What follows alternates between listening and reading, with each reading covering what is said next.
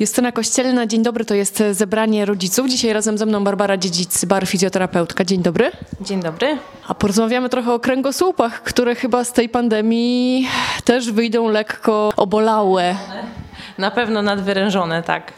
Siedzimy, ta praca się przeniosła do domu, y, dzieciaki uczą się przed komputerami, nie mają tego ruchu co zwykle. Jak to się dla nich skończy? No myślę, że ten brak ruchu odbije się na dzieciach i to bardzo. Y, Teraz jeszcze może tego nie widzimy, ale to zobaczymy za jakiś czas, może za dwa miesiące, może za pół roku, y, bo ten ruch, który był i tak ograniczony w dzisiejszych czasach, teraz jest ograniczony do zupełnego minimum. Takie prozaiczne rzeczy, o których sobie nie zdawaliśmy sprawy, czyli przejście do tej szkoły, w szkole chodzenie po korytarzach, y, przerwa, na której dzieci biegały, nawet wyjście do toalety czy do tablicy, jak pani poprosiła, no to teraz tego nie ma. Teraz dziecko wstaje z łóżka i idzie dwa kroki do biurka i tam siedzi. A musimy też wiedzieć, że dziecko też na pewno siedzi w swoich różnych asymetriach, w swoich kompensacjach, tak jak jest mu wygodnie. I szczególnie jak siedzi tam 4-5 godzin bez przerwy, to wtedy to na pewno się odbije na naszych plecach. No, siedzi albo i w łóżku leży, bo i też tacy delikwenci są, którzy y, na matematykę meldują się jeszcze prosto z łóżka w piżamie. To prawda. Ta taka systematyczność codzienna też gdzieś nam umyka. Jeżeli nie jest dziecko dopilnowane do tego, żeby y, przebrać się tak jak idzie do szkoły, y, nie występować w piżamie, no to jeszcze y, leży w tym łóżku też nie tak jak powinien pewnie. Jakie to będą skutki, o których pani e, mówi? Przede wszystkim różnego rodzaju wady postawy. One się pogłębią po prostu. U niektórych dzieci się pogłębią, bo, bo już we, występują jakieś asymetrie, jakieś problemy, a u niektórych dopiero się pojawią. Bo dzieci, które mają e, słabe mięśnie, jakieś wiotkości, wtedy u nich te wady postawy mogą się pojawić. Normalnie, gdyby miały ruch, gdyby miały WF nie przed ekranem monitora, tylko w sali gimnastycznej, to mogłyby tego uniknąć, tak? Zgadza się, tak. Wtedy mogłyby tego uniknąć. Sama ta pozycja przy komputerze, pani pewnie też pracuje bardzo dużo przy komputerze, wiemy jak to wygląda. Głowa z przodu, barki w protrakcji, y, ten odcinek tutaj piersiowy kręgosłupa jest w hiperkifozie, czyli jest taki, taki wielki garb się robi. I też ważne jest, że, żeby rodzice zwracali uwagę na to, jak dziecko siedzi przy tym biurku. Czyli te nieśmiertelne wyprostuj się musimy tak ględzić niestety. No tak, ale też trzeba zadbać o to, bo w szkole jednak te stoliki są dostosowane do wysokości, krzesełka są inne, dziecko ma podparcie na stopach, a w domu no to nikt się tym nie przejmuje tak naprawdę. Takie pół godziny odrabiania lekcji na co dzień to nie jest problem, prawda? Ale kiedy to dziecko w domu przy za niskim albo za wysokim biurku spędza cały dzień, no to wtedy już ten problem nam się pojawia.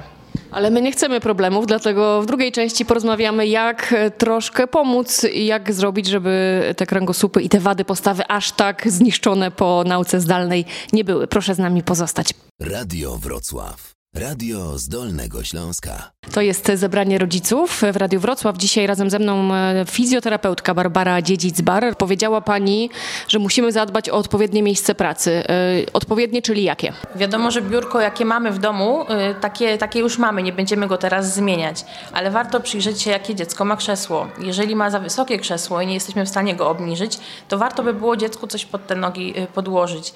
Nawet karton, jakiś stołek, a może mamy dysk sensoryczny w domu, który oprócz tego, y, że będzie, y, że będzie podpierał stopy, będzie nam dawał jeszcze odczucia sensoryczne. Czyli nogi, e, mówiąc kolokwialnie, nie zwisają, tylko muszą albo na ziemi być oparte, albo właśnie o coś. Tak, zgadza się. To jest bardzo ważne, bo od tego, jak podpieramy stopy, potem ustawia nam się cały tułów.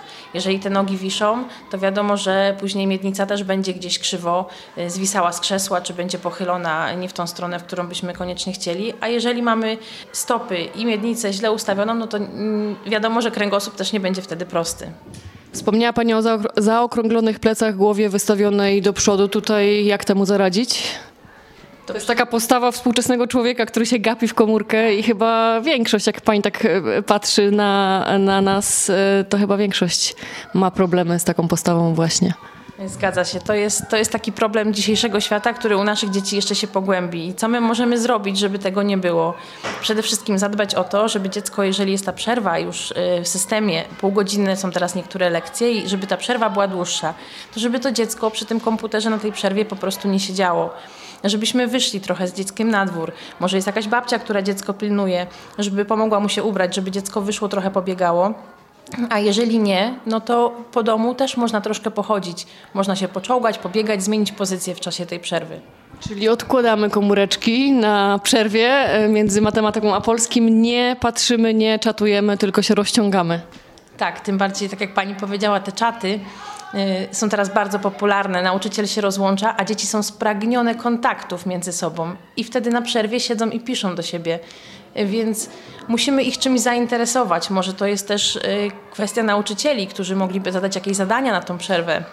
Kto zrobi więcej kroków na przerwie, może mieszkamy w bloku, kto zrobi więcej pięter na, y, podczas przerwy, kto przejdzie góra-dół. Także myślę, że bo dziecko samo z siebie będzie dążyło do tego, czego bardzo chce, czyli kontaktów z rówieśnikami, więc musimy mu coś pokazać, coś, co może być y, ciekawe i dobre dla jego zdrowia i kręgosłupa. No, taki zestaw ćwiczeń właśnie między jedną a drugą lekcją. Na szybko, żeby trochę rozluźnić te mięśnie spięte, kark, kręgosłup. Jakie by pani poleciła? Przede wszystkim leżenie na plecach z wyciągniętymi rękami za głowę, żeby ten kręgosłup, który jest zwinięty do przodu, wy, y, głowa wysunięta do przodu, żeby ona ułożyła się w prawidłowej pozycji, żeby to dziecko mogło się rozciągnąć. Y, Wspaniałe są y, turlania, które ja uwielbiam, bo aktywują całą taśmę skośną. Więc Taśmę skośną, piękna nazwa, fachowa, jak rozumiem.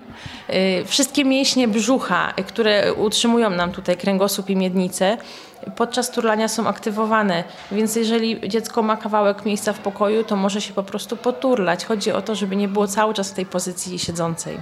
Przysiady klasyczne, pajacyki.